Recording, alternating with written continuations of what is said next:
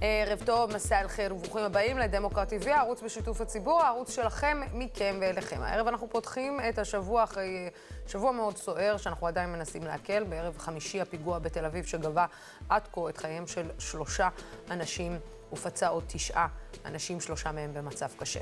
כל זאת רגע אחרי ההתרחשויות אה, הפוליטיות, כאשר עידית סילמן עזבה את הקואליציה והשאירה את המדינה שוב במצב של חוסר ודאות. הערב יהיו איתנו אטילה שומפלבי וישראל פריי. אנחנו נדבר גם עם אה, נעמה ריבלין, שפועלת למען נשים במעגל הזנות בארגון צלעית.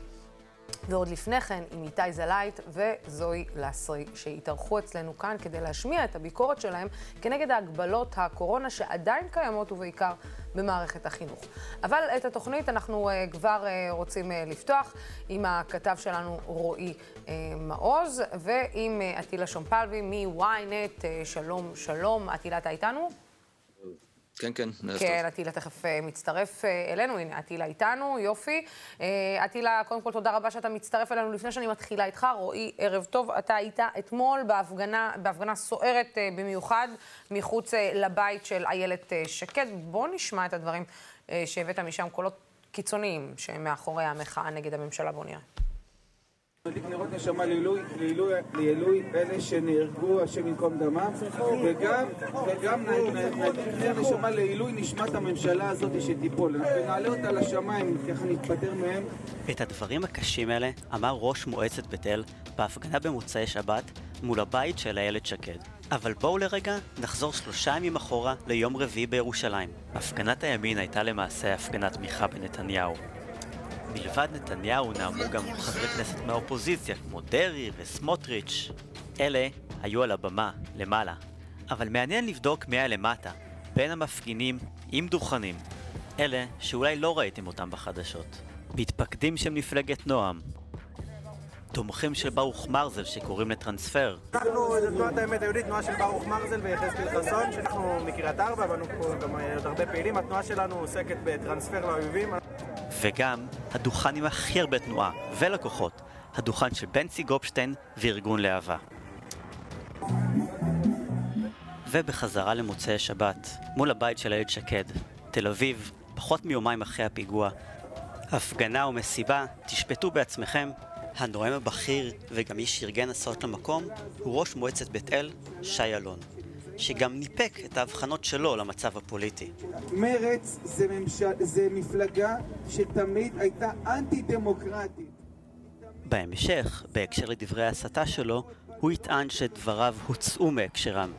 אבל אם נשפוט לפי תגובת הקהל, הם דווקא הבינו את המסר טוב מאוד. אה, לפיד, אתם מכירים את לפיד? אתם יודעים מי זה לפיד? לפיד זה פיקציה.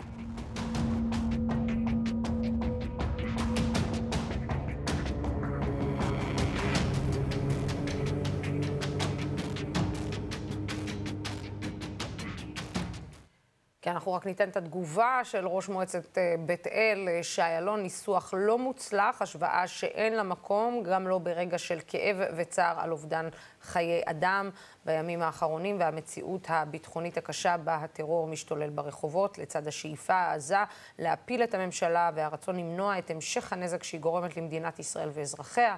יש להיזהר בדברים שנאמרים ובמשמעותם. מקבל את הביקורת על האמירה, שיעור נוסף. לחיים. אה, רועי, אה, שיעור נוסף אה, לחיים, לפחות הוא למד משהו, לא?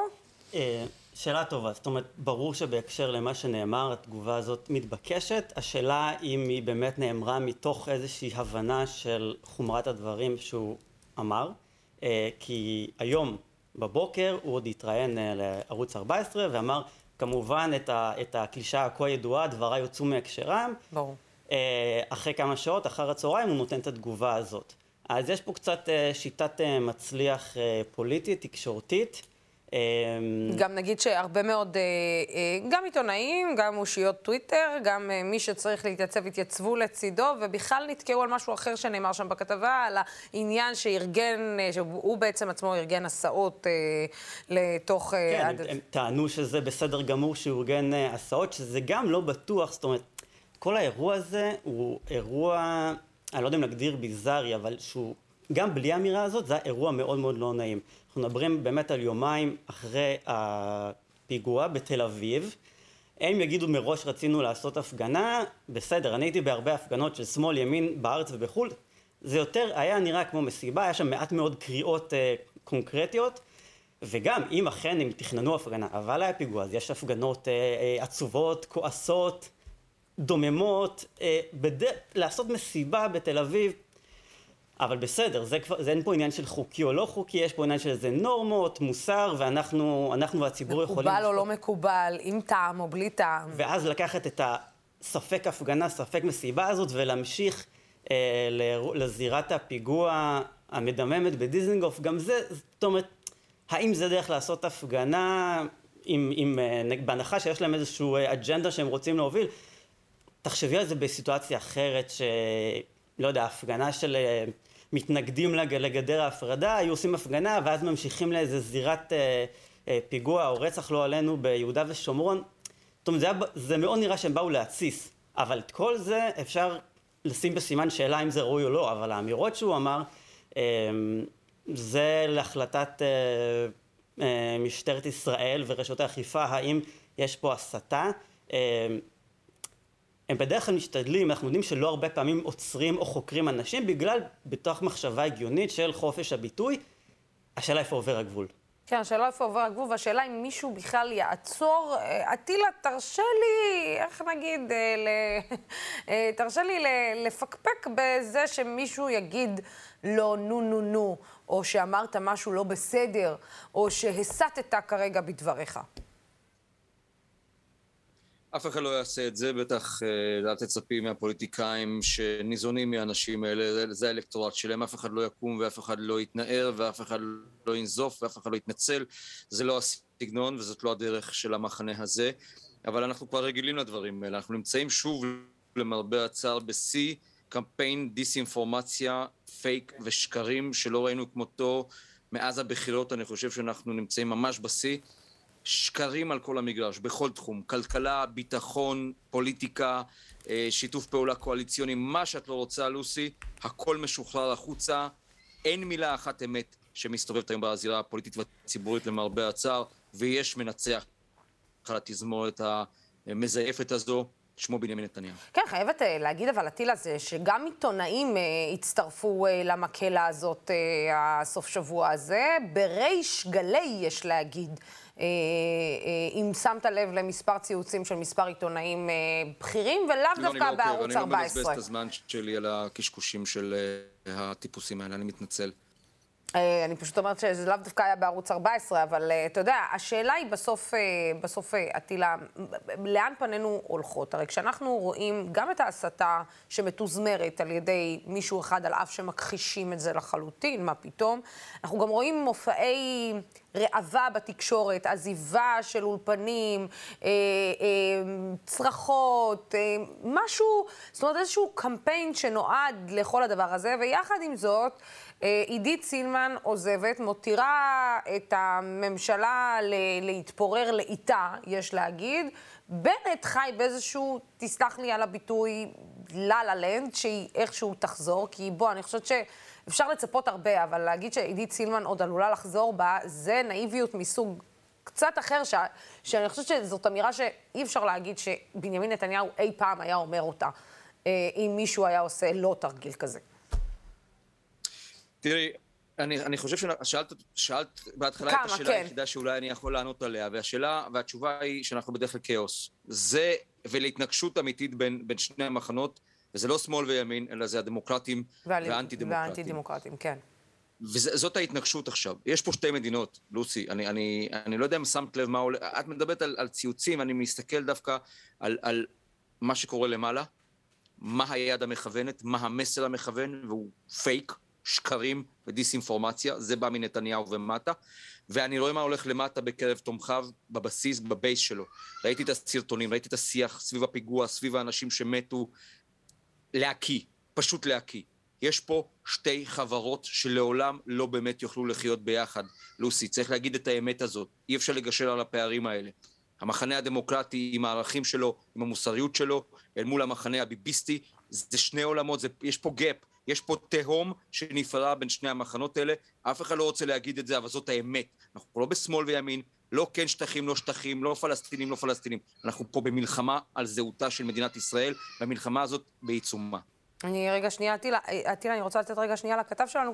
אתה זיהית את זה בשטח? זאת אומרת שזה ביביזם אה, נטו טהור, ולאו דווקא קשור לעניין ימין ושמאל אידיאולוגי, כן נותנים מדינה, לא נותנים, כן פלסטינים, לא פלסטינים. אני מאוד מזדהה עם מה שאטילה אומר. גם אה, אחד מהדברים שראש מועצת בית אל אמר בנאום, הוא שיבח את המחנה הדתי-לאומי כמחנה שמוביל את המדינה בצבא, בהתנדבויות, בכל מיני נושאים כאלו ואחרים.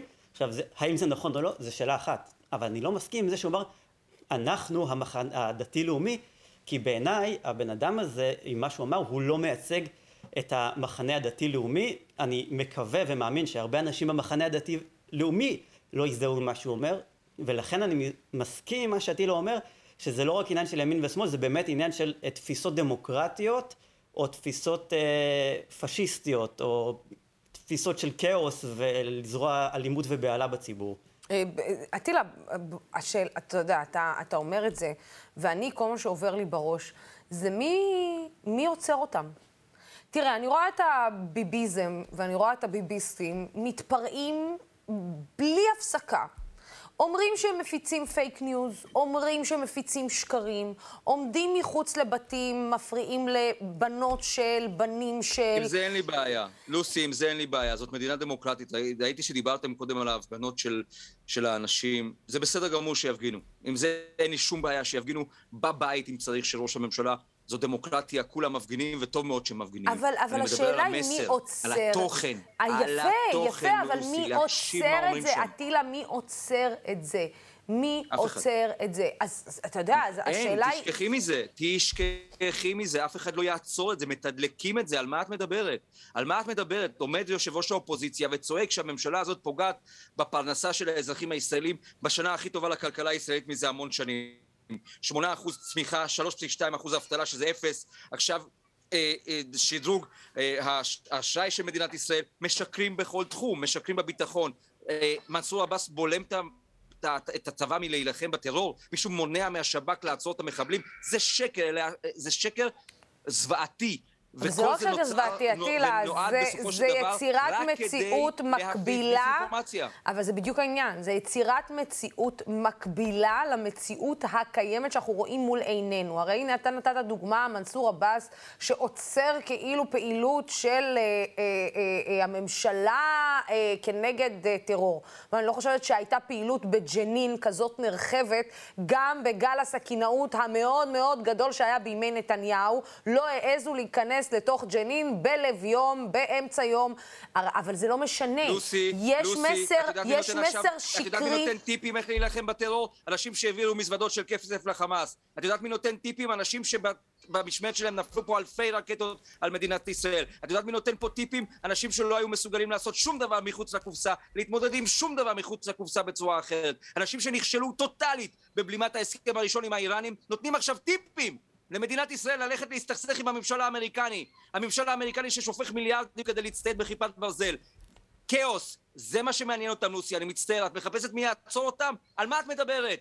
צאו מהסרט. יש פה מלחמת תרבויות. יש פה מלחמה בין שקרנים לבין אומרי אמת. יש פה תרבות של, של, של אה, זיופים, של פייק, של דיסאינפורמציה, של להסתכל לציבור בעיניים ולשקר לו בלי למצמץ.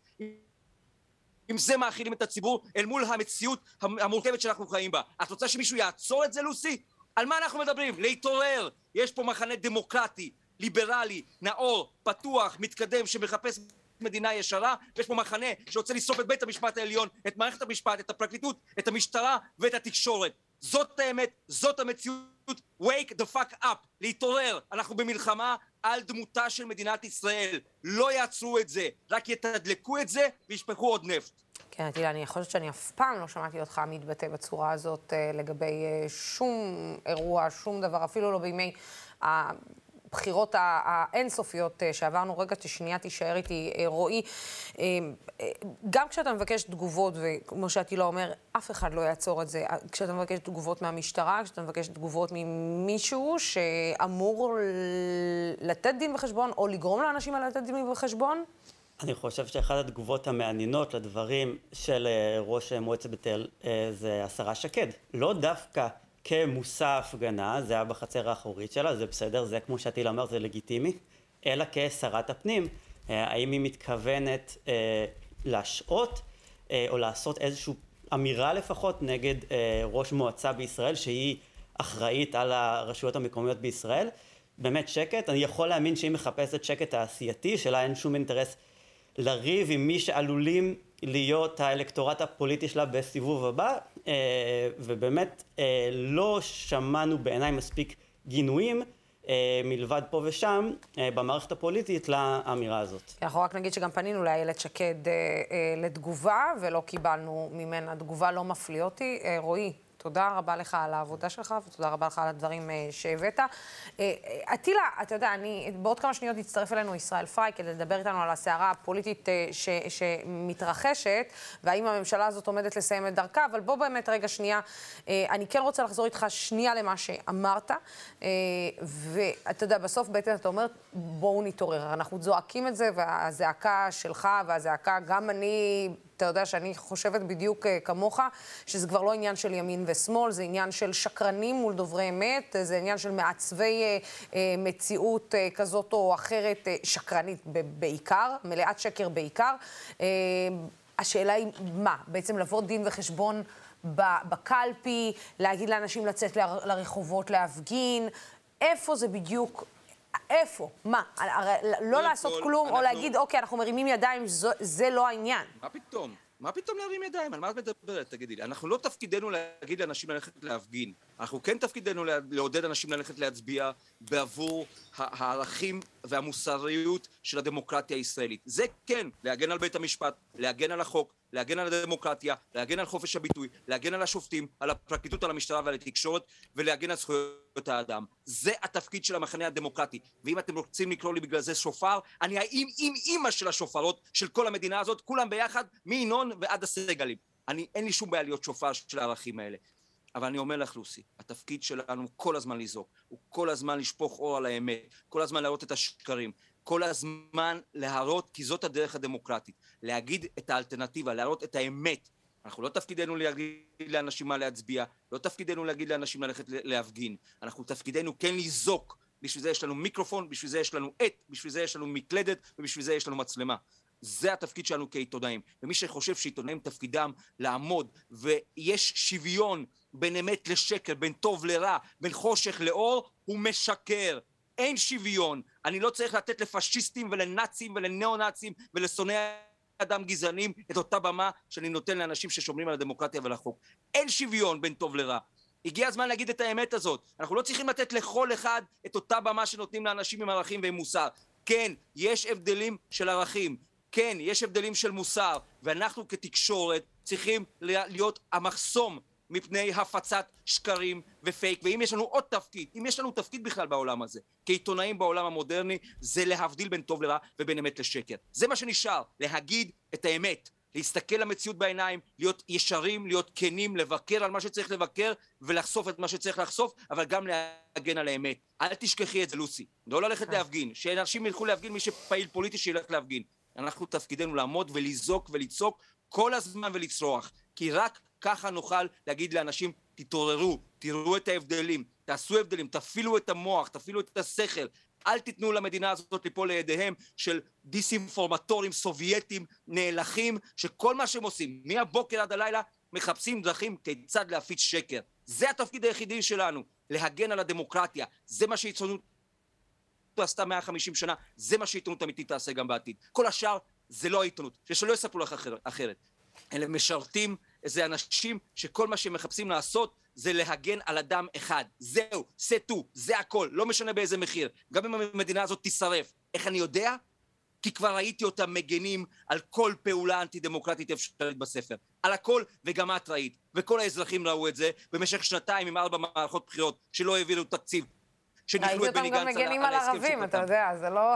ראיתי אותם מגנים בחירוף נפש על ערבים ועל התנועה האסלאמית, אה, אה, שזה מדהים. זה מאוד פשוט. וראיתי אותם בחירוף נפש, איך הם מפקפקים בעידית סילמן על האירוע שהיה או לא היה בתחנת הדלק, ועכשיו הפכו אותה למלכת אסתר תוך שנייה וחצי. זה פשוט הרי מדהים. הנה, ישראל פריים מצטרף אלינו. אהלן, לוסי, אהלן, אטילה. אני רוצה שהקטע האחרון של אטילה יהיה בפתיח של דמוקרט TV. אלה דברים נוקבים ואמיתיים על תפקיד של העיתונות. בהסתייגות אחת, אטילה, אתה מדבר על להיות שופר של הדמוקרטיה, אבל אנחנו עומדים, זה מתאים לחגי תשרי, אנחנו עומדים בערב פסח, אז אני רוצה להיות המצע של הדמוקרטיה. אז, אז בוא נדבר רגע. חוץ מזה אנחנו רואים את הדברים חוץ מזה הוא חותם איתך על הכל. ישראל, מה, תהיה מה שאתה רוצה מצידי, אם אתה רוצה להיות אפילו גפילטפי של הדמוקרטיה, תהיה גפילטפי של הדמוקרטיה, העיקר תגן על הדמוקרטיה. הגפילטה יותר של שלזינגר, וזה כבר לא מבית מדרשנו. אנחנו מגנים רק על זה, זה הכל, אנחנו מגנים רק על הדמוקרטיה. כל השאר שפוליטיקאים יסתדרו בינם לבין עצמם, לא תפקידנו להגן עליהם. אנחנו כן תפקידנו להגן על אנשים ששומרים על המדינה שלנו כפי שהיא, חופשית, ליברלית, נאורה, פתוחה ודמוקרטית. זה הכל, זה התפקיד של העיתונות, וכל מי שאומר אחר משקר ומבלה. זה התפקיד שלנו כעיתונאים. על זה קמה העיתונות, להגן על הדמוקרטיה. זה בדיוק התפקיד. בואו באמת נדבר רגע שנייה גם כתפקידכם כעיתונאים פוליטיים, שניכם. הדרמה הפוליטית מסרבת לגבוה גם בעניין של עידית סילמן. שאלתי את אטילה, ופשוט נכנסנו גם לנושא אחר, אבל הנאיביות של בנט, עם כל הכבוד, להגיד שסילמן עוד תחזור בה, וסילמן באה והיום אומרת, היא לא תחזור בה, זה לא יקרה, החלטה שלה סגורה, נעולה, מתוך מקום ערכי מאוד, והכל בגלל החמץ. כן. אוקיי, לוסי, אנחנו נוכל תכף לרדת לרזולוציות הקטנות של מה בדיוק מתרחש בנבחי ליבה של עידית סילמן ושחבריה בעיקר בימינה, אבל השורה התחתונה, מה שאני מתרשם בשיחות בסוף השבוע עם מרבית האנשים שמרכיבים את הקואליציה הזו, באף אחד בסתר ליבו לא מאמין שהפרויקט הזה של הממשלה הזו הולך להתקיים לאורך הרבה זמן. כלומר, הם משדרים מצד אחד ש... אנחנו מטפלים באירוע, והנה תכף, או כמו שהשר עודד פורר ככה עומד, אומר באיזה ראיון, אני סומך על ימינה שהיא תדאג לשמור על הרוב של 61. זו מנטרה ש... שמוקרנת כלפי חוץ, אבל אף אחד לא מאמין שהעסק הזה באמת יוכל אה, לעבוד. הם כן מאמינים ב, אה, אה, בלקחת זמן.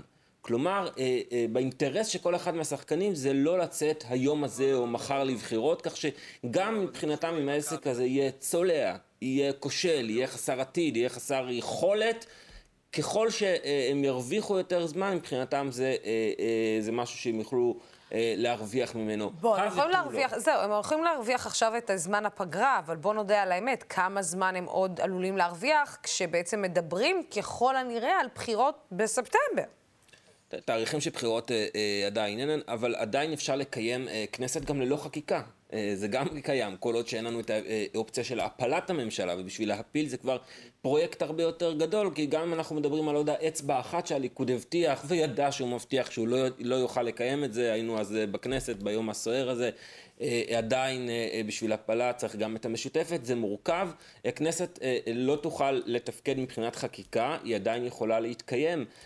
אז יש איזשהו, יש איזשהו פער בין הדברים, כלומר הכאוס הזה יכול להמשיך, צריך להזכיר שהייתה בעבר ממשלה שכיהנה לאורך הרבה זמן, ממשלת רבין כממשלת מיעוט, אבל לטעמי לפחות, בפוליטיקה ההפכפכה של היום, כן? שחוסר היציבות הוא גם, הוא אני לא אזכיר לך מה קרה, שממשלת רבין לא החזיקה ממש מעמד עד הסוף. אבל כן, אבל היא, היא עבדה תקופה, אבל שוב, כן. כי היום אנחנו מדברים על מצב פוליטי אפילו שגרתי, שהכל כל כך הפכפך ולא יציב, לחשוב שהעסק הזה באמת יוכל לעבוד כממשלת מיעוט זו קצת אשליה. שנייה, ישראל, אני מתנצלת שאני קוטעת אותך.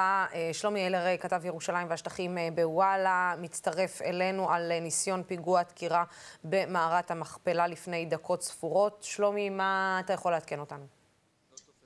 כן, אז לפני זמן קצר מגיעה פלסטינית לעמדת בידוק בסמוך למערת המכפלה מחברון ושולפת סכין, מנסה לדקור אזרח ישראלי כרגע אפשר לומר, הוא נדקר בצווארו, באורח קל, כוחות מג"ב שנמצאים במקום יורים לעברה וקובעים את מותה זמן קצר לאחר מכן.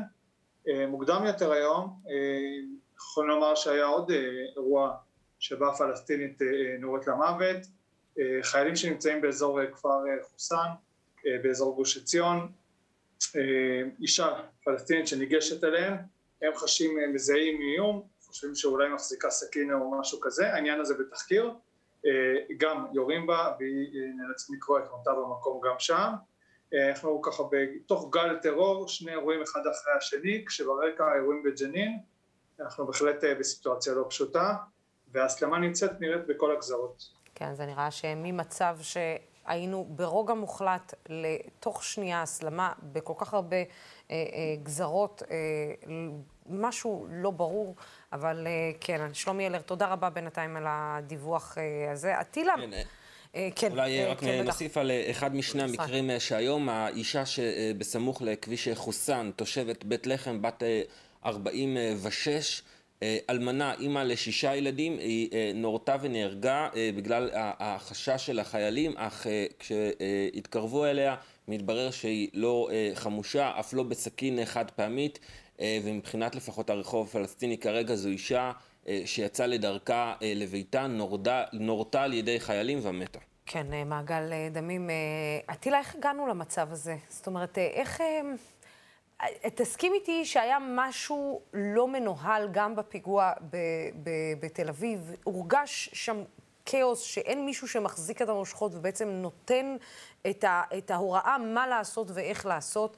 ממצב שאנחנו בעצם שקט מוחלט בכל הגזרות, למצב שאוקיי, אנחנו יודעים שעל ההרג הזה אה, ב, אה, ב, בבוקר במערת המכפלה, ב, זה לא יעבור בשתיקה, הרי בקרב הפלסטינים, אנחנו באמצע חודש הרמדאן, עכשיו הניסיון אה, פיגוע דקירה זה במערת המכפלה. הכל פתאום מידרדר תוך שנייה וחצי ממצב של... שדווקא כשיש ממשלה שגם, אפשר להגיד ממשלה אה, שלא, שלא ממש אה, ניסתה לתקוע עין, צריכה, ניסתה לתקוע אצבע בעיני הפלסטינים בצורה כזאת או אחרת, בטח לא בהפרת סטטוס קוו כזה או אחר. אני מומחה קטן מאוד לענייני אה, צבא וביטחון, ובטח לא מומחה לשב"כ ולמודיעין, אבל אני חייב להגיד לך שלא צריך פה תירוצים, אני לא חושב שאנחנו צריכים לחפש את התירוצים אצלנו, וזה לא קשור לא לממשלה הזו הממשלה הקודמת, היו פה גלי טרור במשך הרבה מאוד שנים, גל טרור יחידים אחד, גל טרור יחידים שתיים, עם טילים, רקטות, אה, מערת, אה, סליחה, מזרח ירושלים, בשנה שעברה היה לנו פה את מבצע שומר החומות, עם יריות, פרעות, פרוגרומים בתוך הערים המעורבות, ראינו פה הכל, האם צריך בשביל זה איזשהו איזושהי סיבה נראית לעין? האם צריך איזה משהו שיקרה כדי שהממשלה אה, תגיד משהו ואז אוקיי, יש לנו תירוץ? לא, זה הטרור האסלאמי, צריך להסתכל למציאות בעיניים. הטרור האסלאמי מחפש לפגוע בכל דבר שהוא נראה קצת יותר נורמלי, במקרה כזה אפילו לפגוע בהתפתחויות הדרמטיות שהיו במזרח התיכון, כולל הוועידה הבינלאומית שהייתה פה בנגב אך לפני שבועיים, שכבר שכחנו אותה כמעט לגמרי. ואני חושב שצריך להסתכל ולא להאשים את עצמנו בכלום ובשום דבר ולא לחפש את התירוצים אצלנו, ולהגיד בצד השני יש חבורה של מחוללי טרור, ומדי פעם הם מרימים את הראש ומנסים לפגוע בנו, נקודה. זה קרה עם דאעש, זה קרה עם אל-קאעידה, זה קורה עם חמאס, ג'יהאד איסלאמי פלסטיני, חיזבאללה וכל מיני ארגונים נוספים. ועד, אני ועדיין, חושב שהם אטילה, האשמים, לא אנחנו. הש, השאלה היא, אה, ברור שהפניית האצבע, אנחנו לא, אין פה בכלל, אתה יודע, עידוד בצורה כזאת או אחרת של איזשהו טרוריסט אה, בשום צורה שהיא, אבל, אה, אבל השאלה היא האם גם הקיפאון המדיני, הרי אתה יודע, בסוף הסוגיה הפלסטינית לא, לא נעלמת. סליחה, אה, אה, לוסי, כשלא היה קיפאון מדיני, היו פחות פיגועים? לא, אני לא אומרת שהיו פחות פיגועים, אבל עטילה, בוא, בוא נדע... קודם כל, כן, הייתה פה תקופה אה, ארוכה לא, של לא, כמעט לא, 15 שנה ללא פיגועי... לא, אנשים התפוצצו באוטובוסים, ישראל. השאלה... באותם מקומות שבאתמול הייתה, שלשום היה פיגוע, אנשים התפוצצו באוטובוסים יום אחרי יום אחרי יום, בשיא המשא ומתן המדיני. ואתה שואל, האם בזמן הזה לא היו פיגועים? אולי אפשר לשאול, מה אנחנו עשינו בזמן הזה כדי לשנות את המצב? כלומר, להגיד רק שאין לנו מה להפנות לעצמנו שאלות, זו כמובן הדרך הקלה ביותר, כי היא פותרת אותנו מכל, מכל צורך ל- לעשות משהו. בנושא הפלסטיני אה, של השלום, אתה תמצא פה, למרבה הצער שלך, אבל השמחה שלי, אדם מפוכח. שמאלן מפוכח, אפילו מרכז ימין. אני מסתכל מאז 2005, מאז ההתנתקות על הפלסטינים, ולא מאמין למילה אחת שלהם. אני מסתכל... מסתכל על הפלסטינים ולא סומך על צעד אחד שלהם. אני מסתכל על הפלסטינים ואני יודע שגם כשנתנו ועשינו ונסוגנו, הם בסופו של דבר השיבו ברקטות טילים ומוות. ולכן, אני לא מאשים את עצמנו בעניין הזה. עם שלום או בלי שלום, מה אתה חושב, שאם תעשה שלום עם אבו מאזן, לא, אני לא חושבת, לא, השאלה היא, עטילה, עטילה, עטילה, השאלה, הרי תמיד יהיה מי ש... אה, רק אה, שנייה, בבקשה, ישראל, תן לי רגע להתבטא. אה, הרי תמיד יהיה מי שיש לו מוטיבציה לצאת לפיגוע טרור, אוקיי? זה אני מסכימה איתך לגמרי. והאסלאם הקיצוני ירים ראשו גם כנגד, לפני שירים ראשו כנגד יהודים, הוא ירים ראשו כנגד מוסלמים שלא חושבים כמוהו. השאלה היא בסוף, האם הקיפאון המדיני הזה, האם ההחלטה שלנו לא להחליט בכל מה שקשור לנושא הישראלי-פלסטיני כבר הרבה מאוד שנים, כבר אולי מאז אוסלו, אפשר להגיד, האם הדבר הזה לא מוביל אותנו, האם, אתה יודע, גם השליטה של צה"ל אה, בשטחים, אה, בגדה המערבית, גם יוסי, השליטה של מדינת היה, ישראל. זה יכול הש... היה להיות נכון אם היינו שוכחים לגמרי ומוחקים מן ההיסטוריה שלושה אנשים, אהוד ברק, אהוד אולמרט ואריאל שרון. הם לא ישבו וכפו על השמרים ולא עשו שום כן, דבר. כן, אבל אתה יודע, בש, בשני, בש, בשלושת, בשלושת המקרים האלה, להזכיר לך, אהוד אולמרט אה, התפטר אחרי אה, אבל שבועיים. אבל הם ניסו. אבל, ניסו, אבל הם ניסו, ואני חושבת, תראה, לפחות, לפחות אתה יכול, אתה, אתה, אתה ראיינת את אולמרט יותר פעמים ממני, ואתה יכול לשאול את אולמרט, ואולמרט יגיד לך שזה כמעט היה חתום עד שבעצם הוא היה נאלץ להתפטר וכל הסיפור אה, נסגר. אבל זה לא העניין. השאלה, כן, אבל השאלה היא, אבל השאלה היא, עטילה, האם אנחנו צריכים להמשיך לוותר על הניסיון הזה גם מצד מדינת לא, ישראל? לא, האם לא לוותר על הניסיון הזה של לנסות ולהגיע לסוג של... אה, אה, עזוב שלום, אני לא מדברת אפילו על המילה לוסי, שלום. אני איתך. לסוג של אני... רגיעה עם השכנים שלנו, כי בסוף... אלה השכנים שלנו, איתם אנחנו צריכים להתמודד. לא, המציאות הזאת הרי מכה לנו בפנים כל יום מחדש. נכון, לוסי, את צודקת, ואני עדיין רוצה להתעקש ולומר שלשם שינוי הגיע הזמן קודם להסתכל על הצד הפלסטיני, לצפות ממנו להוציא מספרי הלימוד את השנאה ואת ההסתה נגד ישראלים ויהודים, להפוך את מדינת ישראל למדינה לגיטימית. זה לא יקרה, עטילה, עטילה, זה לא יקרה. שלמות, זה לא יקרה. למות, אתה יודע, זה אה, לא, לא יקרה.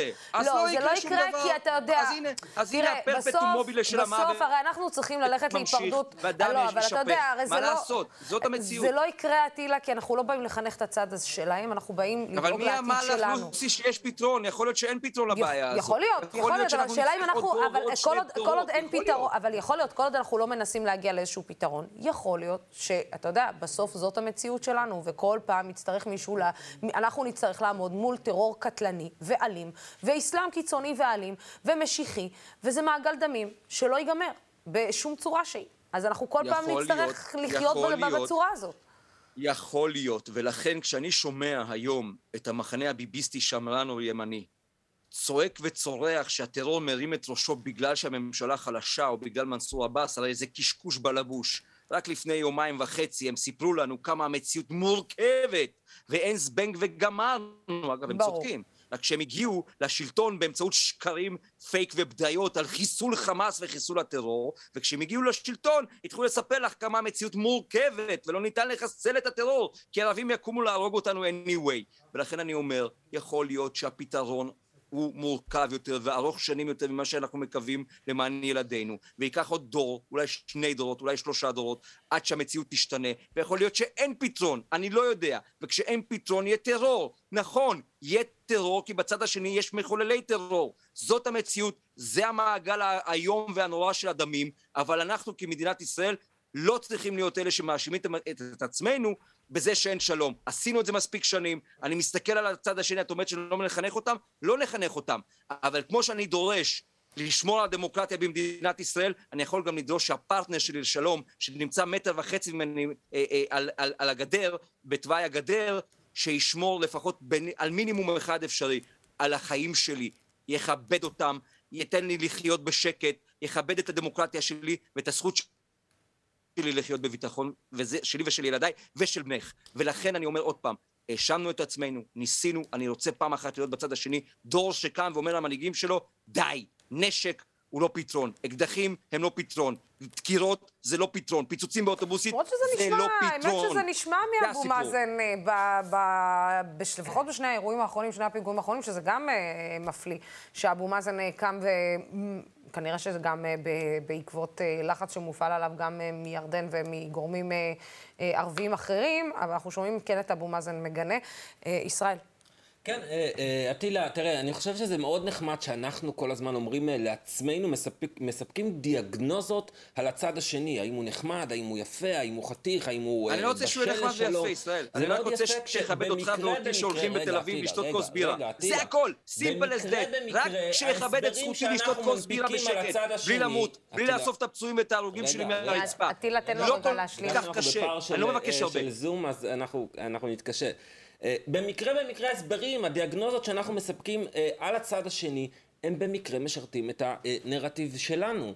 ובמקרה במקרה, במבחן התוצאה, במבחן המעשה, ישראל לא הורידה לרגל, לרגע אחד את הרגל מהגז של, של מפעל ההתנחלויות, של פרויקט העליונות היהודית במרחב.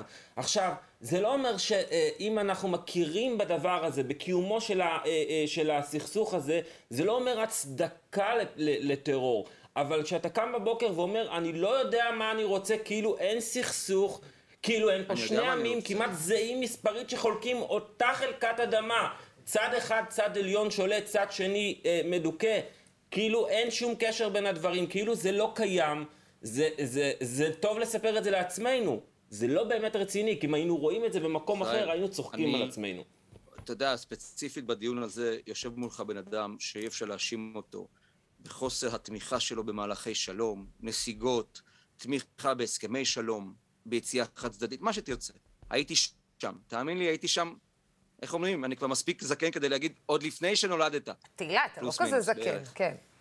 בסדר, אני מתנצל. נו, זה מה שרצית לשמוע הרי, שאני אגיד לך שאתה לא כזה זקן. ויש שם אפילו איזה... זה הכל עניין של הזום, יש את האופציה הזאת.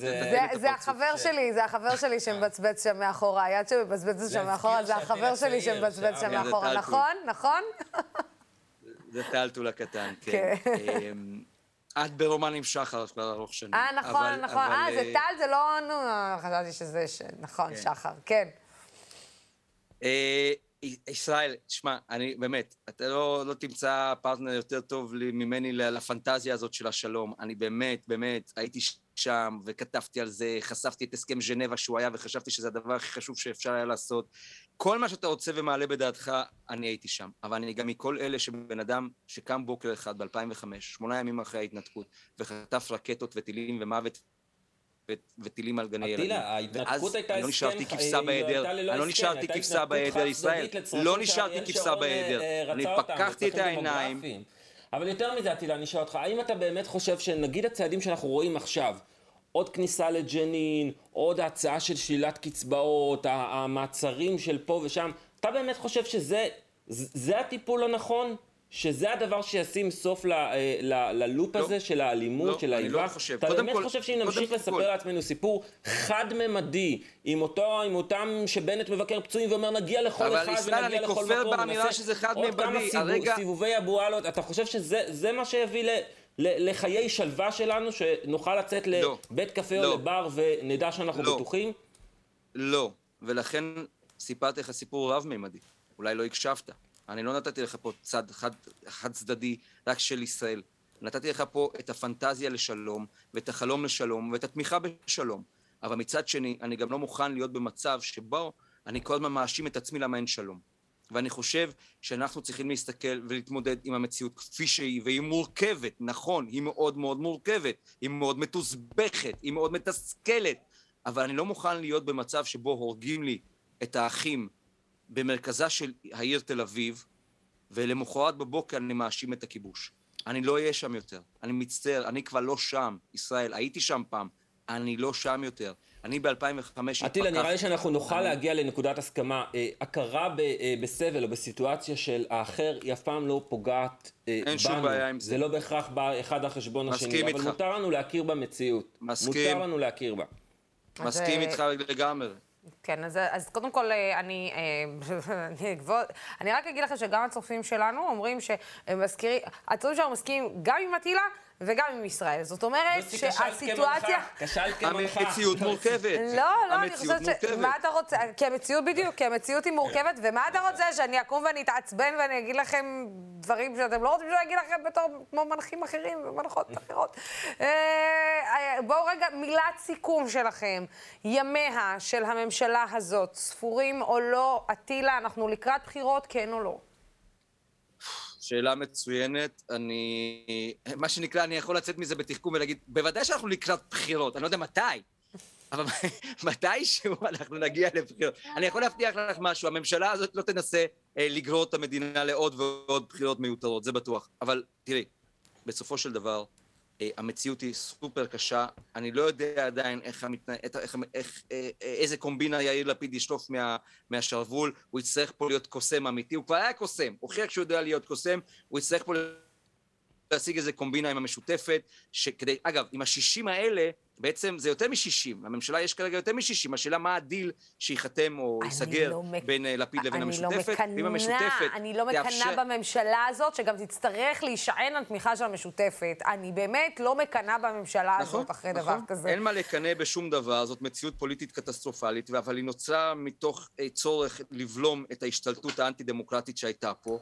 ובואי נראה מה יקרה, אני, אני קשה לי עדיין לדעת, בואי נראה בעוד ארבעה שבועות שנגיע חזרה לכנסת, איך אנשים ינהגו, מה כן. יקרה בדיוק. מעניין אותי, מעניין יותר מעניין איך עידית סילמן תראה את הפרצוף שלה מול כל האנשים שהיא כל כך אה, שפכה, אבל זה פרצופה של הפוליטיקה, אה, מי כמוכם יודעים. אה, ישראל, ממילה סיכום שלך, בבקשה. כן, לוסי, את יודעת שאני בורח מלתת נבואות, אבל בכל זאת את, אני תחת מרותך כאן, אז אני רק אומר שלכל הצופים והצופות, ש... נותרה בהם איזושהי אנרגיה פנויה למען אה, מלחמה על אה, הדמוקרטיה או למען אה, יודעת, אנרגיות אזרחיות פעילות, אה, שישקיעו אותם פחות ופחות בתחזוק הממשלה הנוכחית וכל אה, האנרגיות שמופנות לשם, ויותר ויותר להיערך לתרחיש הבא שהוא קרוב, הוא יבוא, נרצה או לא נרצה, זה נמצא שם. כיף. כיף, מה אני אגיד לכם? תודה רבה. אטילה אה, דש, אה, תן לו, תן לו, תן לו להופיע, הוא גם רוצה להופיע וקצת אה, פרסום. מה קרה? מה קרה? למה אתה כזה... ביקשת. בבקשה. שלום, אדוני הנכבד, מה שלומך? מה העניינים? אבא שלך כל הזמן דוחק אותך הצידה. מה, מה, מה? נו, אתה רואה למה הוא צריך זה? כי הוא לוקח לך פוקוס. לוצי, יש דמיון, יש דמיון. יש דמיון, כן, כן. זה מחמאה לילד, צריך לומר. כן, כן. בכלל, הבנים שלך יותר יפים ויותר חכמים. אבל אין מה לעשות, סליחה שאמרתי את זה, אבל אה, זה מה יש. עטילה שומפלבי, תודה רבה, וטל, תודה רבה גם לך. ביי ביי. תודה. אה, ישראל, תודה רבה. תודה, לוסי. כן, בעוד רגע ייכנסו אלינו לאולפן איתי זלייט וזוהי לסרי, לדבר איתנו על ההתנגדות שלהם להגבלות אה, הקורונה. אה, אלו שעדיין קיימות ובעיקר במערכת החינוך, אבל עוד לפני כן, מי שפספס בסוף השבוע, עלתה סדרת רשת חדשה אצלנו ב DemocraTV, אה, שאול אריאלי, מפרק את המיתוסים שמאחורי הסכסוך הישראלי-פלסטיני, מי שפספס, כדאי לראות. הנה הצצה קטנה. אין עם פלסטיני? למה? כי אין פה בערבית.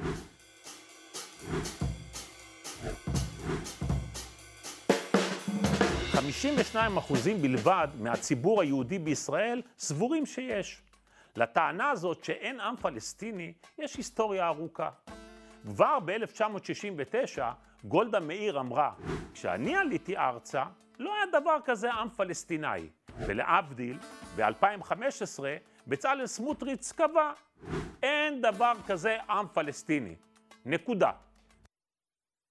כן, את הקטע המלא אתם כמובן יכולים לראות בסרטון, שהקישור אליו מצורף כאן בתגובות מתחתיי. ועכשיו אנחנו נדבר על נושא מאוד שנוי במחלוקת, אה, אבל מעורר שיחה מעניינת. אה, זוהי לסרי ניסתה להוציא את ילדיה ממערכת החינוך בשל התנגדותו, התנגדות מערכת החינוך, התנגדותה של מערכת החינוך, התנגדותה שלה להגבלות אה, הקורונה וחבישת המסכות, ואף נתבעה על ידי עיריית פתח תקווה. איתה נמצא האומן, איתי זלייט, שלום, שלום, שאותו אנחנו מכירים היטב מההפגנות בבלפור.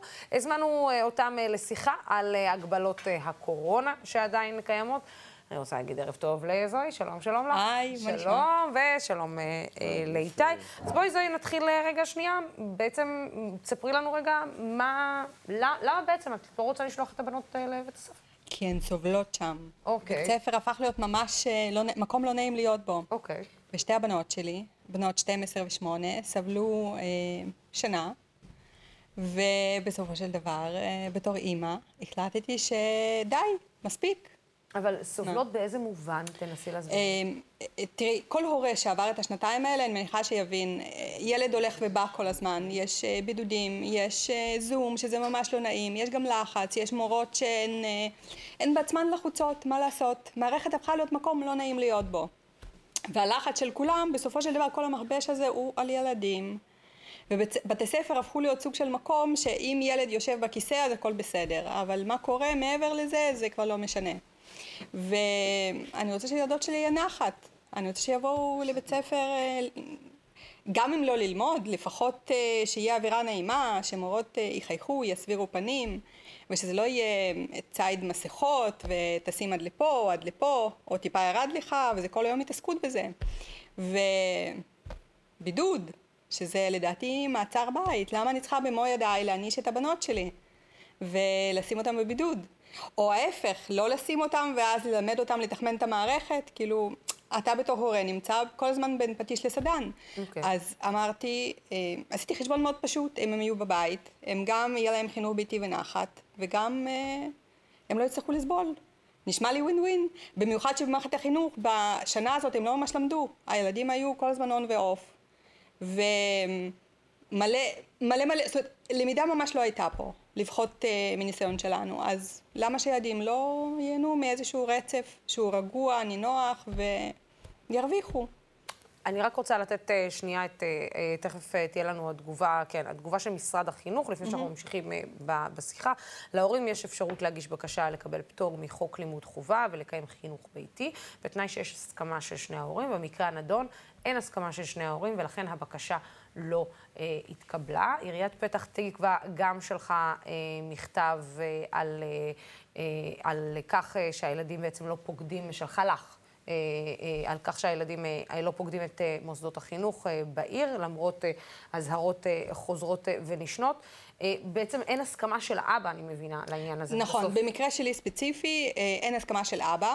יחד עם זאת, לצערי, אבא ואני נפרדנו לפני שמונה שנים, והוא חי בדרום. הוא בגדול שנתיים לא ראה את הילדים שלו, מסיבות שלו, והוא, אני, אני הנחתי, ואני מניחה גם היום, שהוא גם לא ממש מעורב, הוא לא ממש מבין מה קורה. זאת אומרת, כשניסינו להסביר, הוא אומר, אה, בית ספר זה לא נורא. ואם כל הילדים שמים מסכות, שישימו גם הן.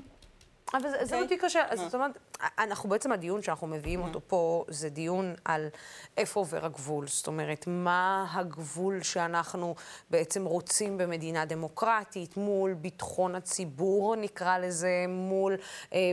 בריאות הציבור, מול... אה, איפה, איפה, איפה, איפה אנחנו מותחים גבול, אם בכלל מותחים גבול בדמוקרטיה. Uh, ואתה בעצם מנסה להביא לזה ביטוי, איתי, כמו כל הזמן, uh, באומנות, כמו ששואלים, האם יש גבול באומנות? טוב, נראה לי שאם יש משהו זה, שברור לכולם, זה השנתיים האחרונות מאתגרות אותנו יופי עם הגבולות האלה, ושמות לנו את זה בפרצוף נכון. מעולה. וזה יכול להיות איום, וזה יכול להיות הזדמנות מדהימה. אני בכל להסתכל על ההזדמנות. ולהסתכל על זוהי, שעושה פה מעשה מאוד אמיץ. פחות חשוב עכשיו הסיפור האישי, כי בין חצי מיליון למיליון תלמידים. מיליון תלמידים. כן. אנחנו כאילו מתנהלים, הכל בסדר, כי אנחנו יכולים לשבת בבתי קפה, ברור. אבל מערכת החינוך קורסת. ברור.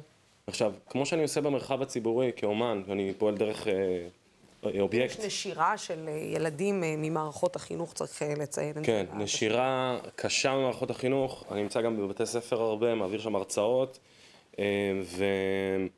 ויש איזשהו אובדן אמון, בית ספר הפך להיות מקום לא נעים, גם כל הסביבה שלנו הפכה להיות מקום לא נעים. וכשאני רואה את זוהי, בעצם היא מייצגת איזשהו מקרה של בן אדם שאומר, זה מה שהמערכת מציעה לי, אני יכולה איתה להתקמבן ו- ולפתור את זה ולקבל את האישור ולהמשיך עם משהו עקום, אבל היא בחרה לא, היא בחרה לשים את עצמה על השולחן ולהגיד, אני מייצגת מקרה של עוד הרבה מאוד הורים שהם בשקט.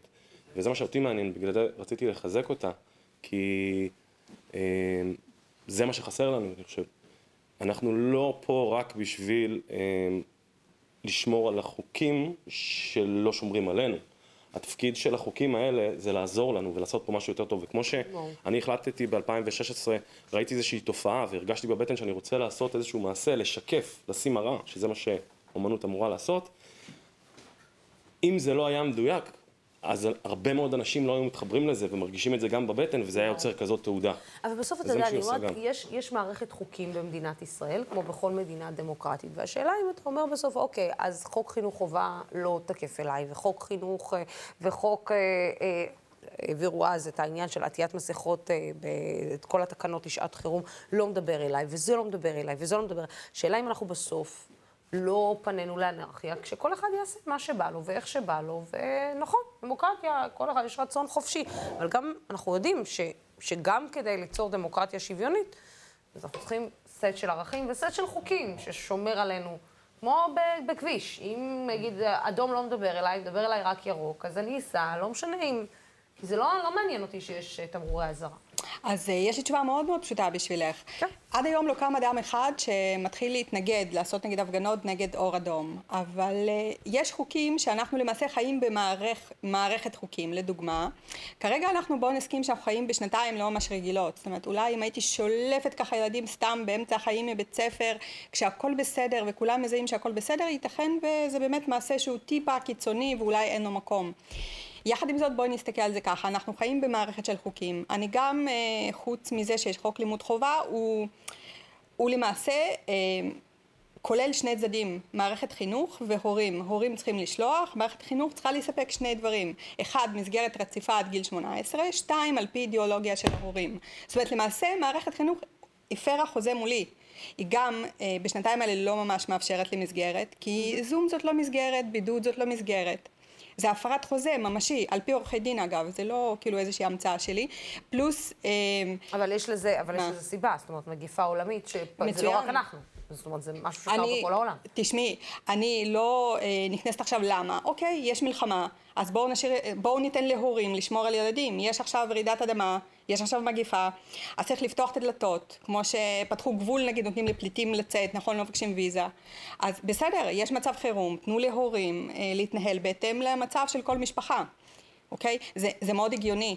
וגם אם מחייבים אותנו לשים ילדים באיזושהי מסגרת, זה חייב להיות על פי האידיאולוגיה שלנו. אני לא רשמתי בחיים אף ילד לבית ספר בידיעה שהוא יצטרך אה, להיבדק או לעשות, אה, את יודעת, בידוד או מסכה וכל ההתנהלות ולחץ, אני רשמתי לבית ספר עם אופי אחר. אז יש פה איזושהי הפרה, הפרת חוזה שהיא, לא, שהיא במסגרת חוק לימוד חובה. בנוסף, יש כאן גם חוק אפוטרופוס. אני אימא, זאת אומרת, אני אה, רשאית, במידה ואני רואה שבנות שלי לא בטוב, לפעול לטובתם גם באופן עצמאי. זאת אומרת, אם יש הורה שלא נמצא בתמונה, החוק מאפשר לי לעשות את זה. זה שמערכת אה, בוחרת לשים פוקוס, אוקיי? אה, זה, זה רק סוגיה אחת. יחד עם זאת אני רוצה לציין שיש אלפי, אם לא עשרות אלפי הורים במצב שלי כששניהם מסכימים. אבל אני אומרת, את לא נמצאת בביצה ותרנגולת כרגע, שהילדות גם נמצאות בבית מצד אחד, הן לא הולכות לבית הספר, ומצד שני, את אומרת, הן היו בבית ואני הייתי צריכה לשמור עליהן, ואז, זאת אומרת, את נמצאת קצת בביצה ותרנגולת בעניין הזה. זאת אומרת, אין לך מסגרת לילדות. חינוך ביתי זו מסגרת. חינוך ביתי זו מסגרת. לא, אוקיי, אבל אה. השאלה היא, את אימא אה. לא- כן, כן, אני אימא חד-הורית, כן, כן. מאות אלפי הורים נמצאים באותו מצב, באותו מצב, והכל היה בסדר, נכון, עד שהתחיל להתחרפן פה כל המצב. אבל זה בדיוק מה שאני שואלת, האם השאלה היא לא... זאת אומרת, מערכת החינוך, ברור לנו לחלוטין שהיא התגלתה במערומיה. לא רק מערכת החינוך. הרבה מאוד מערכות התגלו במערומיהם. נכשלנו, כל הדבר נכון? הזה... כל הדבר הזה גם של מערכת החינוך של הנורמלית, שמה שאני ואתה גדלנו על זה, נכון. זה לא עובד יותר בעידן הזה. ואם יש משהו שלא מסיקים מסקנות במערכת החינוך, זה איך מתאימים את עצמנו למצב החדש.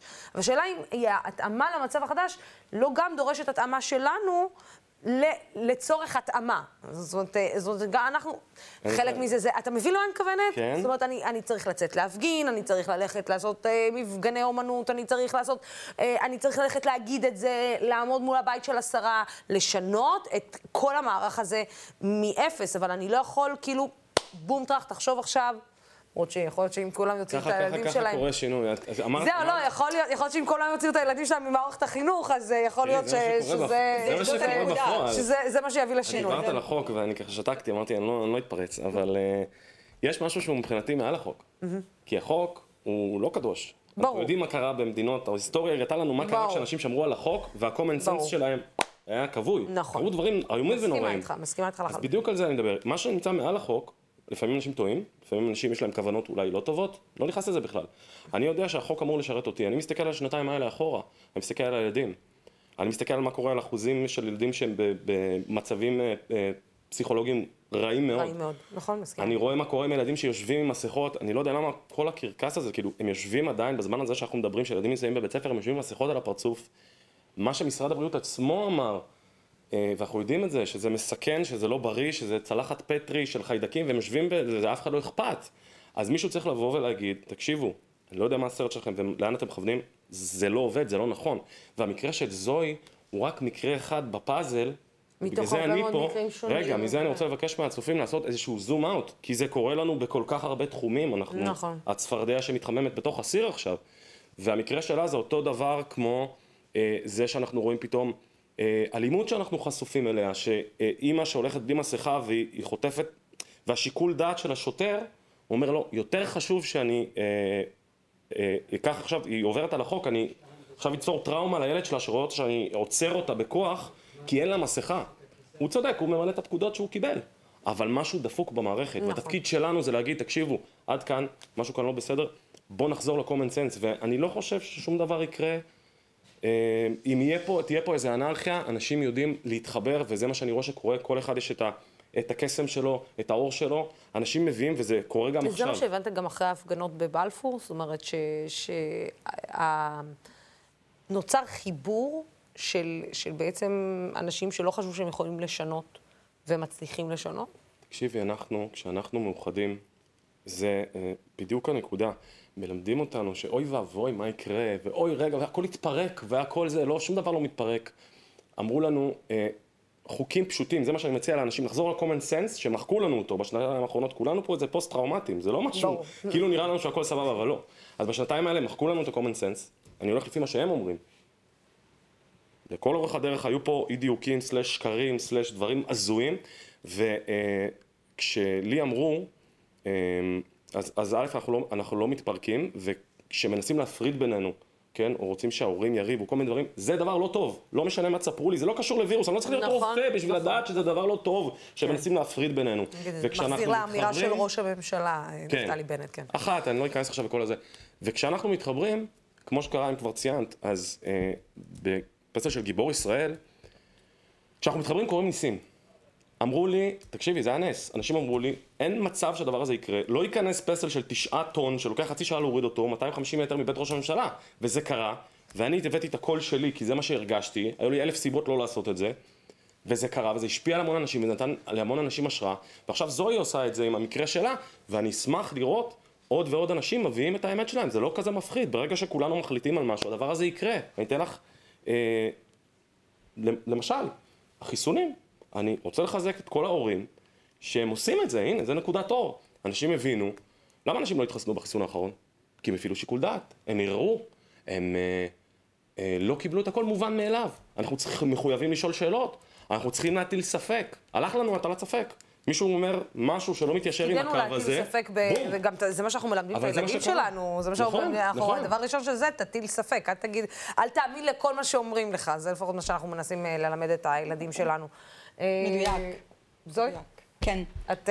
לסכם? בעצם, לא רק לסכם, אלא בעצם מה המטרה? אה, לשחרר את הבנות ממערכת החינוך, או שלבקש ממערכת החינוך גם רגע שנייה להתאפס ולראות בדיוק, את הדברים אחרים. בדיוק. הסיבה שהלכתי עם התביעה זה כי לפי מה שאני יודעת, ההורה עדיין לא הגיע לשלב הזה.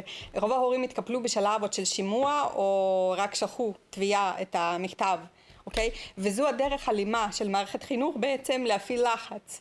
אז אני אמרתי, חברים, אני מוכנה, כמו שאיתי אמר, לעשות את האקסטרה מייל למען החופש של הילדים שלי, וגם על הדרך למען, למען חופש של כל ילדי ישראל, ולהראות את זה כמו שהיצירות האמנות של איתי הן מראה. התביעה שלי והמשפט שלי זה מראה, תסתכלו מה קורה פה, אימא עומדת למשפט פלילי על זה שבסך הכל הוציאה את הילדות שלה מבית הספר בתקופת מגיפה כשהן סבלו לא, זה מדהים, אחרי שמערכת החינוך הוציאה את הילדים כל כך הרבה... אני לא חושב שיכולים להכיל את זה, את כל ה... וגם, אני אגיד לך עוד אה, משהו. וכל זה... כשאין נפגעים, זאת אומרת מערכת מוכנה לשחרר אותנו, לחלוטין מוכנה, אוקיי? אבל מה היא אומרת לנו? המחשב לא מרשה לי. אה, זה מה שאומרים לה? אה, המחשב כי- מרשה כי לי. בעצם אין כי- הסכמה של כי האבא. אין הסכמה, וגם מבקשים ממני מערכת. אגב, סיפור שלי זה סיפור של עוד אלפי הורים. יש הורים שמסכימים, אבל בגלל שזה, שוב, אנחנו נמצאים במגיפה, מצב שהוא לא רגיל. אז החלטה נפלה, מה לעשות, יומיים אחרי שסגרו הרשמה לחינוך ביתי. ואותם הורים גם נרדפים כעת. או הורים שלא רוצים חינוך ביתי, אבל רצו להוציא ילד לנגיד חודש-חודשיים, כי נגיד אימא בהיריון מתקדם, כדי לא ללדת בבידוד. ההורים האלה נרדפים. זוג רופאים פנו אליי, סיפרו את הסיפור כן. שלהם, אה, שזה זה לא ייאמן. יש אלפי הורים פשוט נרדפים על ידי מערכת. אני חושבת, ש, אני חושבת שבעיקר אנחנו הפסקנו, אין לנו את היכולת יותר לשמוע דברים שהם לא בקונצנזוס, שהם לא במה ש... ואני חושבת שאתה אמרת את זה בצורה הכי טובה. לימדו אותנו להטיל ספק. אנחנו לא, מטילים ספק בכלום. אנחנו עושים את ההפך הגמור ממה שחינכו אותנו לעשות. הנה, יש נקודות אור. אם את לא היית מטילה ספק, לוסי, אז לא היית פה עכשיו, ולא היה את הערוץ המדהים הזה שעושה, נותן קולות אחרים שאנשים צמאים להם כל כך. וזה קורה לבד, זה, זה בסדר. זה, זה חלק כן. כן, זה קורה וזה שינוי, אבל אני חושבת שזה אה, בימים שלנו, זה ימים אה, שהם... כי עכשיו אה, אין לנו הרבה זמן, הכל, אה, הכל, הכל נדחס. אנחנו מבקשים שיש שינוי. ו, ו, ו, ויש שינוי, יש שינוי. ועכשיו, אה, אה, תוך שנייה וחצי, אבל אה, אנחנו לא מבינים שלשינוי לוקח זמן לקרות. מי כמוך יודע. אה, איתי אה, וזוהי, תודה רבה. תודה. אה. לשניכם. אה, ועכשיו, אנחנו ממש אה, לפני סיום, נמצאת איתנו פעילה חברתית מיוחדת מאוד, אה, נעמה זאבי ריבלין, מנהלת אה, סלעית, אה, מענה טיפולי לנשים במעגל הזנות. אה, אני רוצה רק אה, להגיד אה, ערב טוב אה, לנעמה. אז אה, קודם כל, תודה רבה לך אה, ש- שהצטרפת אה, אלינו. אנחנו, זאת לא פעם ראשונה שאנחנו נפגשות, נכון? אה, ו- את יודעת, רציתי, אני רוצה להאמין שיש דברים שהשתנו מאז שהחוק עבר, אבל, אבל זה לא באמת. דברים לא ממש השתנו בכל מה שקשור לצרכנות, זנות. מאז 2019, אפשר להגיד? 2020? סוף 2018 עבר החוק. אה, 2019 עד אמצע 2020, זאת אומרת, נתנו לממשלה ולכל אה, הארגונים אה, זמן להתארגן וזמן אה, באמת אה, לה- להכיל את החוק הזה ולהתכונן לתת מענים כמו שצריך. ביוני 2019 הוא היה אמור להתחיל, וקורונה הייתה, אז היו הרבה עניינים. אבל אה, לשאלתך, אנחנו כן רואים שינוי. אנחנו לא השינוי המיוחל. אבל אה, כבר, אה, כשכבר עבר החוק, אפילו בקריאה שנייה ושלישית, התחלנו להרגיש בשינוי. זה, זה ייצר איזשהו באז, זה ייצר איזשהו פוקוס, שהצרכני הזנות היו רגילים שהפוקוס הוא לא עליהם. לא היה עליהם. אה, ופתאום הם בפוקוס, וגם אה, נוכחות משטרתית, עוד, עוד לפני שיש אכיפה. יש, לפני שיש אפילו אכיפה, כבר, כבר היה תחושה ש, שזה קצת סוגר עליהם, וזה כן עשה איזשהו שינוי. מ-2018, בטח מ-2019, ואני אומרת שוב, הקורונה, אה, כמות הפניות שהגיעו לסלית רק עלו ועולות עד היום. אה, זו תחושה שזה, שזה מקשה, וזה באמת... אה, מה שזה אומר, שאם זה מקשה, אנחנו גם צריכים לספק לא, לא רק את העניין של עצירת צריכת זנות, אלא לתת גם מענים טובים יותר, מדויקים יותר וראויים יותר לנשים. וזה היה גם המשמעות של החוק. החוק היה לא רק איסור צריכת, חוק, אה, צריכת זנות ופוקוס על, על הגברים צרכני הזנות, שזה בהחלט חידוש, אלא גם מתן אה, תקציבים ומענים, 30 אה, מיליון שקל בשנה, אה, זה לא מעט כסף. לצערי, לא כל הכסף הגיע. אה, שוב, תקציב מדינה, הרבה עניינים שהיו בדרך, אבל זה כסף צבוע עבור נשים בזנות, וזה בהחלט משהו שמגיע להן, והן זקוקות, והן זקוקות אפילו ליותר. והתפקיד שלנו אה, שם בשטח הוא כל הזמן לדייק ולהגיד מה הן צריכות, גם לנשים עצמם. יש מקום להגיע לכנסת, לוועדות, גם להביע התנגדות, גם לכעוס על החוק, וגם להגיד מה הן צריכות באמת. לפעמים אנחנו מפספסות, והן צריכות להגיד מה הן באמת צריכות. את יודעת, אה, אה, אני זוכרת שהייתה איזו סדרת כתבות שאני עשיתי בזמנו גם עם סלעית, ואני זוכרת את, ה, את הרגע הזה שבו אני חוזרת הביתה ואני לא מבינה אה, איך, איך מגיעים בכלל למקום הזה, זאת אומרת, איך מגיעים למצב הזה, איך כל כך נשים, אני זוכרת שאחד הלילות הטראומטיים ביותר שהיו לי זה כשחזרתי מ... מסיור, אה, בילוי רציתי להגיד, או סיור מהתחנה המרכזית, וראיתי אימא וילדה שעובדות על אותו קו. ואני חושבת שלא הבנתי איך, איך, איך, איך מגיעים למקום הזה, זאת אומרת, גם איך אה, המדינה בעצם מעל, מעלימה עין מהח, ממה שקורה אצלה בחצר האחורית. נכון. אה, קודם כל, באמת חשוב להגיד ולהסביר שרוב הנשים שאיתנו בקשר, שהגיעו למעגל הזנות, מדווחות על אה, באמת נסיבות חיים מאוד מאוד קשות של אלימות, של אה, הזנחה רגשית, של אלימות פיזית, ובעיקר, בעיקר אלימות מינית. זאת אומרת, רוב הנשים שהגיעו לזנות, שאנחנו בקשר איתן, מדווחות בזמן זה או אחר על פגיעות שהתרחשו ב...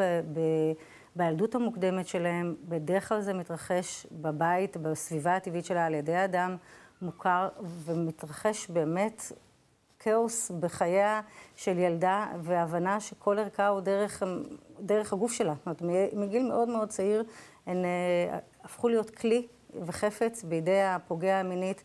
מתקיים סחר מכר על הגוף שלהן מגיל מאוד מאוד מאוד צעיר. וזה כבר דרך להסללה. זאת אומרת, לא כל, לא כל ילדה שנפגעת מינית מגיעה לזנות, אבל צריכים לקרות עוד כל מיני דברים בדרך. אני תמיד אומרת שעוד כל מיני גורמים מסרסרים שמזהים אולי את המצוקה ואת החולשה ואת ה... את הנערה בסיכון, ו- ויכולים אולי לדחוף אותה על פי תהום, וגם הפוך. אם יש אדם, או אישה, או יועצת, או מורה, או, או מישהו שיכול לזהות את המצוקה ולתת ולהושיט יד, אז אולי היא לא תיפול לתהום הזה שהוא מאוד מאוד עמוק. וההידרדרות לזנות היא, היא באמת איזשהו מדרון חלקלק. אה, הרבה פעמים בגיל ה-17-18, כשזה שלב שבו לאותה נערה יש כבר את הכוחות להפסיק את הפגיעה מהבית, והיא מספרת את סיפור הסוד הנורא, אה, בוחרים שלא להאמין לה. זה אותן צעירות שמגיעות, אתם יודעים, תל אביב, צלעיתי בתל אביב, היא כן. התוכנית הכי גדולה.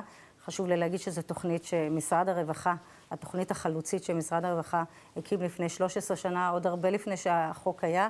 עיריית תל אביב-יפו הייתה הראשונה שהרימה את הכפפה והקימה, היום יש הרבה שירותים נוספים במדינה, אבל באמת עיריית תל אביב-יפו הרימה את הכפפה, וזו הייתה התוכנית החלוצית בארץ. עוד כשנשים בזנות היו ממש ממש שקופות. שאנשים לא מבינים, זה בעצם בעיקר נתינת הבית, והבית אני קוראת לזה, כי זה גם ככה הן קוראות לזה, לפחות נכון. הבית הזה בתקופת המעבר, הבית הזה בלב תל אביב. זאת אומרת, מי ש...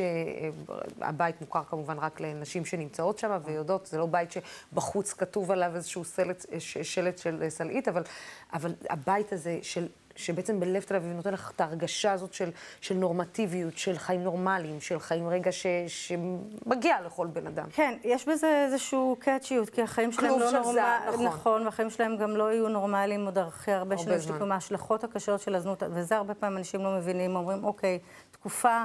עברו, אז קודם כל חשוב לי להגיד שוב, רוב האנשים שהגיעו לזנות זה אותן צעירות חסרות עורף שלפעמים הכסף, הפיתוי, הם באמת בחובות, וזה פיתוי לכסף גדול, והמדרון הוא חלקלק, והן אה, לא מצליחות לדמיין מה יהיו ההשלכות הנפשיות הקשות לאורך שנים. ככל שההימצאות בזנות קשה וארוכה יותר, ככה ההשלכות. הן מגיעות אלינו עם פוסט-טראומה מורכבת, כי זה על הטראומה של הפגיעה בילדות, ועוד הזנות מייצרת עוד ועוד טראומות, עוד ועוד. אין כמעט אישה שלא פגשנו, שלא עברה אונס בזמן הכמות חדירות, הצורך להפוך להיות חפץ. בדיוק השבוע נתתי הרצאה למכינה קדם צבאית. אפרופו איסור צריכת זנות, אני מאמינה מאוד בהסברה. הדור, הדור הבא זה החבר'ה הצעירים שצריכים להבין מה זה נש... אישה שנמצאת במעגל הזנות ולמה לא צריך להשתמש שוב ושוב בגוף שלה. והסברתי להם כמה זה באמת אה, אה, נפיץ וכמה הם, אה, הם באמת עלולים להיות עוד משרשרת הפוגעים, או להבין שצריך להפסיק את צריכת הזנות. זה גם בחינוך מיני של, של הבנים שלנו ושל הבנות שלנו, אה, מגיל אפס וחינוך מיני בריא. לילדים. את יודעת, אני, אני שואלת, את, את כבר המון שנים בתחום הזה. 14 אה, שנים, כן. כן. אה, אני לא יודעת אם להגיד לך, זה יותר מדי, או שזה מעט מדי. זאת אומרת, הרי את הולכת עם כובד, אי אפשר, אי אפשר לפספס את זה. נכון, אני, אני חייבת לומר, שאת, אה, מ-2008, כשהחוק הזה רק היה בחיתוליו בארץ, ואני זוכרת שאפילו את השיחות סלון עם חברים, באמת חשבו שאני מה... מה, אה. גם הדאונריות, אה, וגם לא מבינה הומור, ואני, אסור לילדי אפילו לצחוק ולהגיד דברים בציניות על המצב. אמרתי, פרות קדושות אפשר להתחיל לשחוט רק כשכבר יש שלא תהיה לגיטימיות לצריכת אז אני אה, מוכנה לצחוק איתכם ביחד על זה.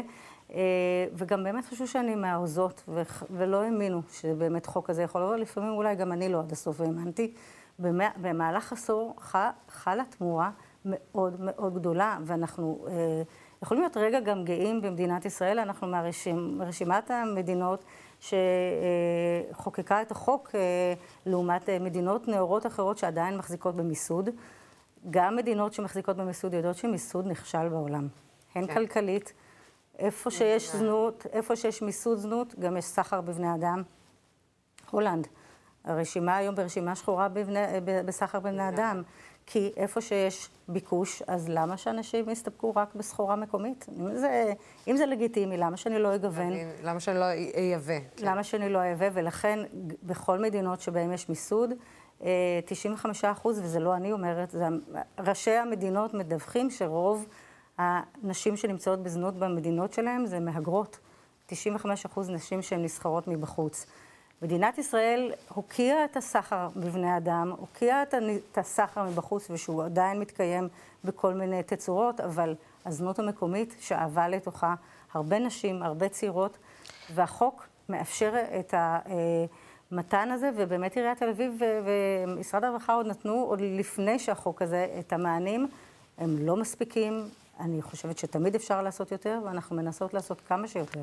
אני יודעת שאת עושה הרבה, אה, ומה שאת אומרת זה מעט מאוד לעומת מה שבאמת קורה במציאות. רק מי שמבקר במקומות האלה, ובמקומות כמו סלעית, אם זה בחיפה, ואם זה בתל אביב, ואם זה בעוד שלל מקומות אה, בארץ, לפחות במקומות שאני ראיתי, רואה את מה, מה, מה זה המקום הזה בשביל האנשים האלה. נכון. אני רואה את הדור ב' שהופך להיות חונכות, לפחות שראיתי, אה, והן הופכות להיות אלה שמקבלות ואלה שמדריכות ואלה שמחבקות ואלה שבעצם מבינות.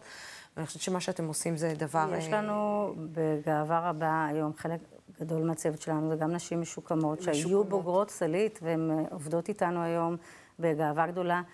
הנשים עצמם שבתוכנית היו חלק מהתהוות החוק, הם הגיעו לכנסת ביחד איתי והצביעו ואמרו מה הן צריכות. בזמנו הוועדה המשרדית אה, שבדקה את ה... מה, מה נכון למדינת ישראל, איזה, כן. אה, איזה דרך להת, להתמודד עם תופעת הזנות, ישבה עם נשים וגם בסלית, איילת שקד ישבה ושמעה את הנשים, ואחד החלקים הכי מרגשים בתקופה הזאת זה היה לשמוע אותה בכנסת. יום למחרת בנאום של, בקריאה הראשונה והשנייה, כי היא אמרה, ישבתי עם נשים והם ביקשו ממני לא להיות שקופות יותר, ופשוט הביאה את הקול שלהן לכנסת. אה. אז אני חושבת שגם לנשים יש הרבה מאוד חלק, אה, וגם לנשים שכועסות היום על החוק, אני, ליבי איתן. מבינה איך הקרקע נשמטת מתחת רגליהן, כשהן עוד לא מאמינות שאפשר אחרת. כן, והן לא יודעות ש... בסוף אפשר אחרת. אה, נעמה, אה, תודה רבה לך. אה, וואו, כבר עבר הזמן, אני מרגישה כן. שרק התחלתי לדבר. אבל קודם כל, תודה רבה לך על מי שאת. תודה רבה לך על מה שאת עושה.